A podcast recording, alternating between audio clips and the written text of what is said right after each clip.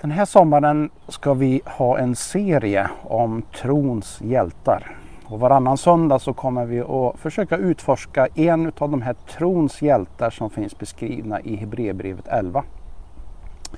Trons hjältar är beskrivna eh, utifrån vad de har gjort i tro. Och eh, ett antal spänn väldigt spännande berättelser och idag så ska vi börja med Mose. Men innan vi gör det så låt oss be tillsammans. Gud i himlen, du som är jordens och himlens skapare. Tack att vi får mötas den här dagen till gudstjänst i din natur och där vi nu än är framför skärmarna. Tack för att ditt ord är kraftfullt. Och Herre, när vi försöker att studera ditt ord, Herre, så, så ber jag att din heliga Ande ska hjälpa oss så att ordet får landa på ett begripligt sätt i våra hjärtan. Jag ber om din välsignelse över var och en som tar del av den här gudstjänsten, som är med och firar den här gudstjänsten tillsammans framför sin skärm. Själv eller tillsammans med vänner. Jag ber om din välsignelse i Jesu namn. Amen. Låt mig börja med att läsa några versar ifrån Hebreerbrevet som på något vis sätter fingret på det här med tro. Och de tre första verserna i elfte kapitlet. Tron är grunden för det vi hoppas på. Den ger oss visshet om det vi inte kan se. För sin tro fick fäderna Guds vittnesbörd. I tro förstår vi att världen har formats genom ett ord från Gud och att det vi ser inte har blivit till ur något synligt.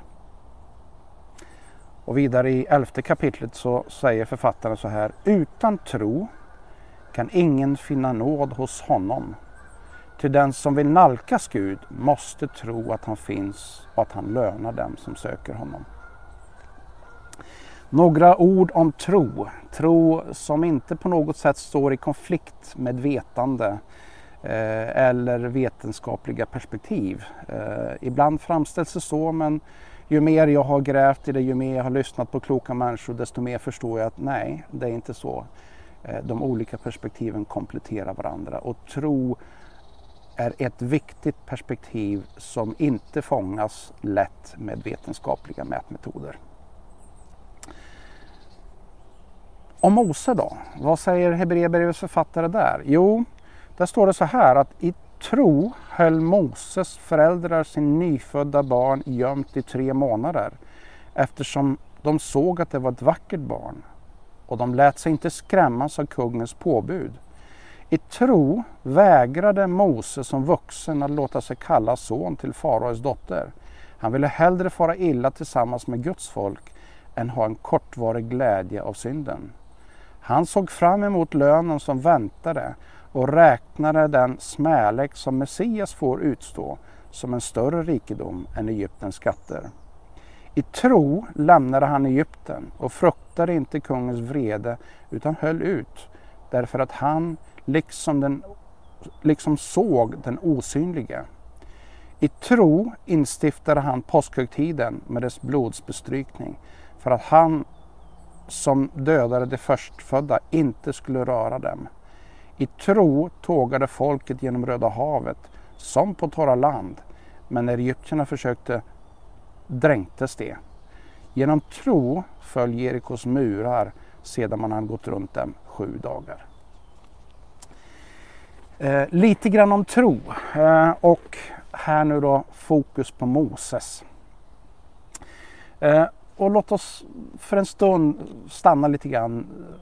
Vem var Mose och hur gick det till? Jo, det var så här att Mose, som eh, för övrigt man kan läsa om honom i främst i, i andra, tredje, fjärde och femte Moseboken. Men med start ifrån andra, där, där föds han. Och då var det så här att Israels folk eh, hade hamnat i Egypten på grund av en hungersnöd. Och Josef blev ett redskap för att rädda väldigt många människor från den här hungersnöden. Och så kom då Josefs familj som ju eh, hörde till Abrahams och Isaks eller Jakobs släkt. Och de kom till Egypten och eh, levde som en minoritet där.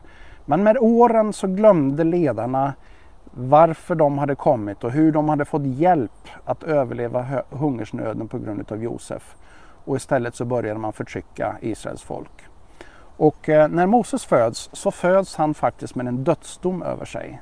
Därför att alla gossebarn, alla pojkar Eh, skulle dödas. Det var påbudet ifrån ledaren, ifrån kungen, från farao i Egypten.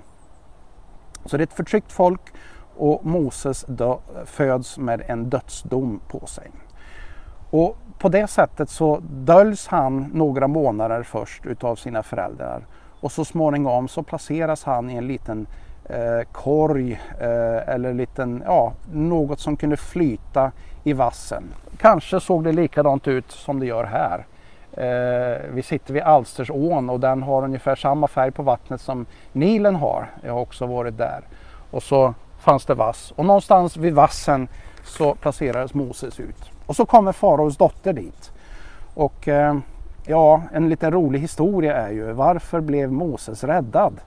Jo, han skrek så in i vassen och kanske var det så. Kanske var det så att han skrek där i vassen och faraos dotter hörde det här och hon eh, fångades utav vad är det för någonting där och så småningom så är berättelsen av att hon tog sig an och hon adopterade Mose. Eh, när han var riktigt liten så fick han faktiskt komma tillbaka till sina föräldrar och hans riktiga mamma fick amma honom på bekostnad eller på uppdrag utav faraos dotter. Och så växte han upp i faraos familj, i kungens familj eh, och levde där i ungefär 40 år. Naturligtvis som kungens eller faraos barnbarn då så eh, får han lära sig allt som hör till maktens hus. Så. Eh, det var liksom det brukliga, eh, hur man, hur man leder, hur man styr, hur man leder ett land. Men han gjorde det utifrån ett folk som han egentligen inte ursprungligen var del utav. Och någonstans så var han medveten om att jag hör egentligen till Israels folk eller till hebreerna. Och eh, någonstans i 40-årsåldern så upplever han att jag, jag behöver göra någonting. Han ser förtrycket mot sitt folk och känner att det här är inte rättvist. Och så, och så eh, springer han själv i egen kraft och försöker att lösa situationen med egen, egen förmåga och det blir inte speciellt bra. Det leder till att han måste fly. Han måste fly för sitt liv och han lämnar Egyptens land och all den härlighet och rikedom som han har växt upp med och hamnar ute i öknen. Och ute i öknen så hamnar han så småningom hos en präst som heter Getro. Och Getro tar sig an Moses därför att Moses har visat respekt för Getros döttrar eh, och de andra unga tjejerna som kom och hämtade vatten. Han har hjälpt dem till och med Eh, och skyddat dem för andra som, som eh, var elaka. Och på så vis så kommer han in i Getros familj och så småningom så gifter han sig också med en av Getros döttrar, Sipora. Och de får ett par barn tillsammans, eh, Gershom och Eliezer. Ungefär 40 år lever Mose i öknen. Han lär sig allt om öknen och öknens situation eller öknens villkor. Eh, och så en dag så är när han är ute, eh, han har hand om boskap bland annat och en dag när han är ute så får han se en buske brinna och han förstår att det här är något övernaturligt. Och där möter han Gud. Gud börjar tala till Mose. Och Mose frågar, vem är du? Och då säger Gud, jag är den jag är. Jag är.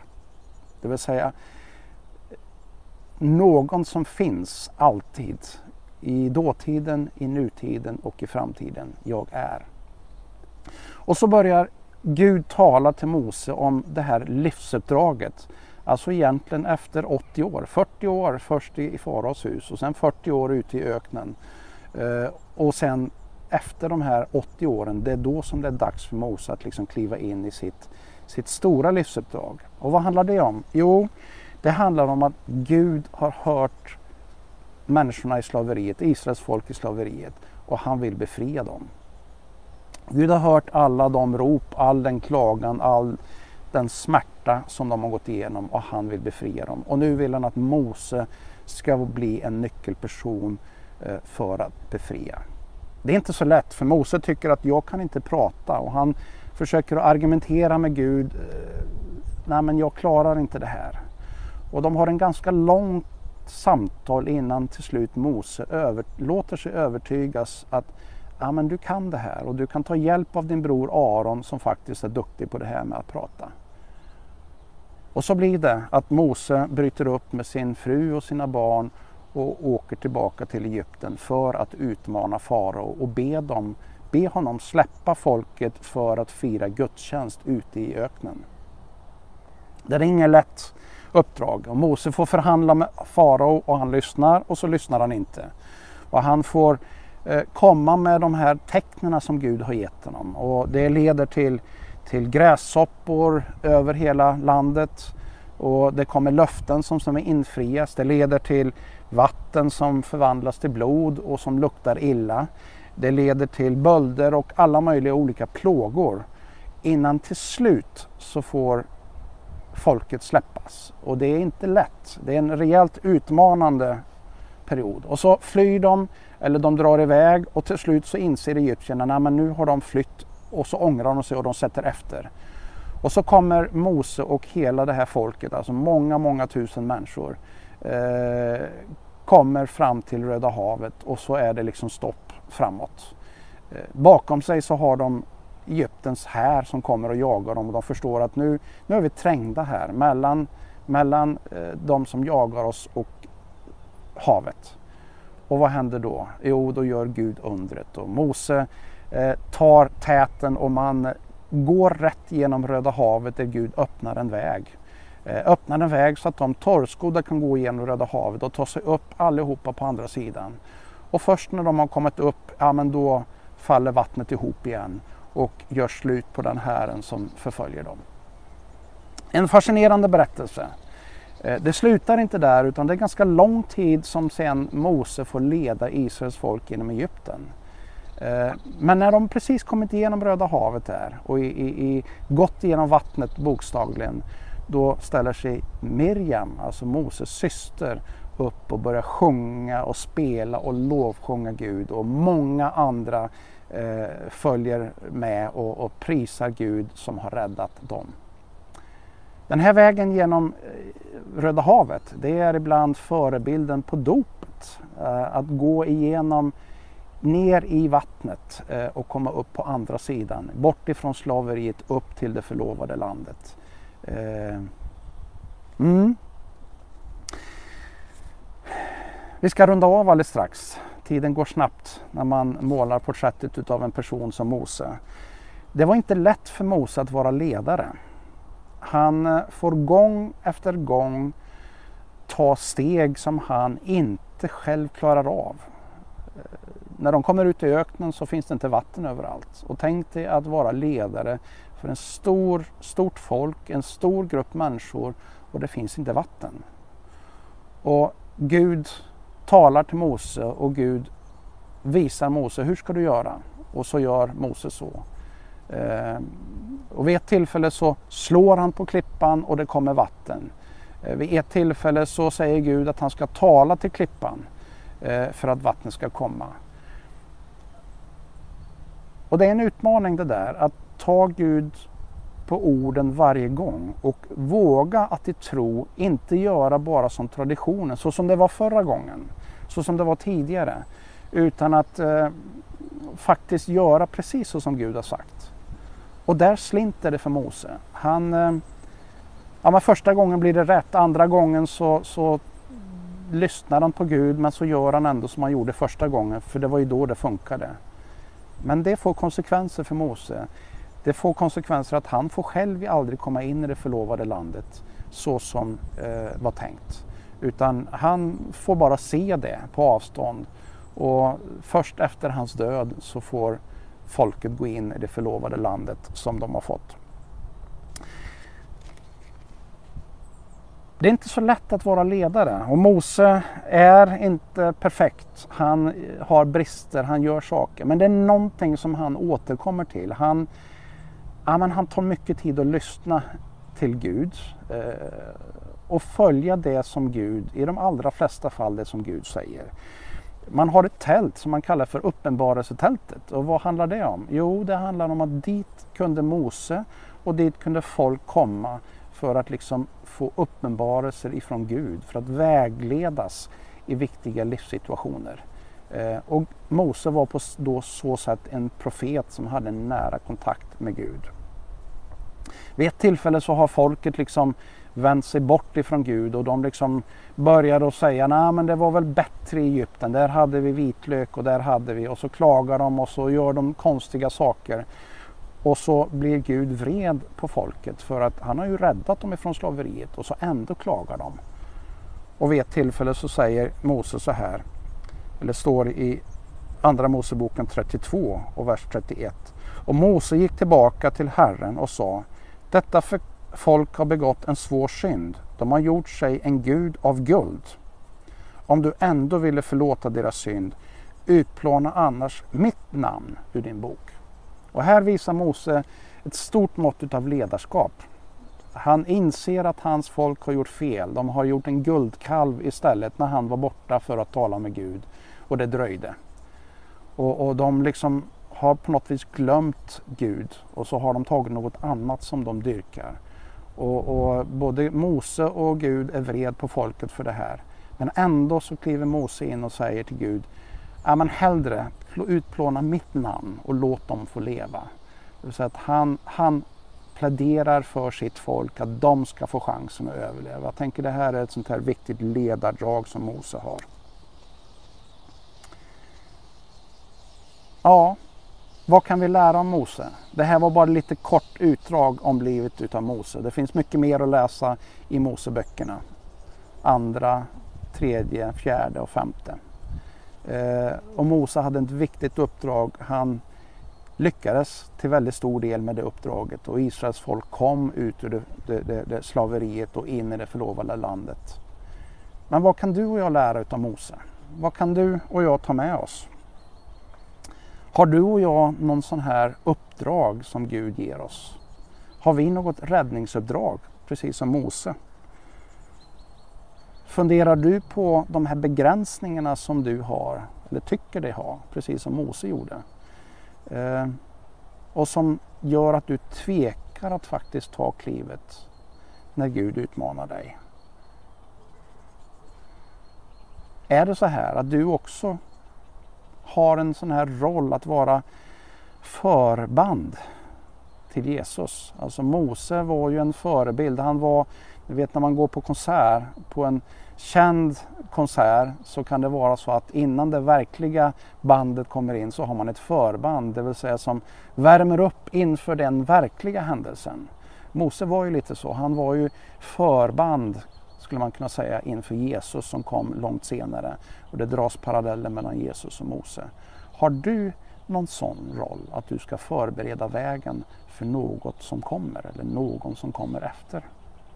Ja, jag vet inte. Och jag lämnar det till dig. Fundera över det. Kanske samtala med några av dina vänner. Eh, läs gärna om Mose och fundera över vad kan han inspirera dig till i ditt liv där du är. Kanske vill du också kontakta någon av oss i Pingstkyrkan i Karlstad. Och, eh, du kan skicka ett sms, du kan skicka ett mail och det kan finnas möjlighet att boka in ett samtal om du skulle vilja det. Eller kanske faktiskt få förbön eh, för någonting som är viktigt, angeläget dig. Eller för att få hjälp att börja ta steg med Jesus eh, på ett liknande sätt som Mose kanske. Ska vi be tillsammans. Gud, Tack för berättelsen om Mose och vad den kan inspirera oss. Mose som vågade ta omöjliga steg, men han gjorde det ändå för att han trodde på dig. Herre, låt berättelsen om Mose på något vis landa i våra hjärtan och inspirera var och en precis utifrån den situationen. Jag ber i Jesu namn. Amen.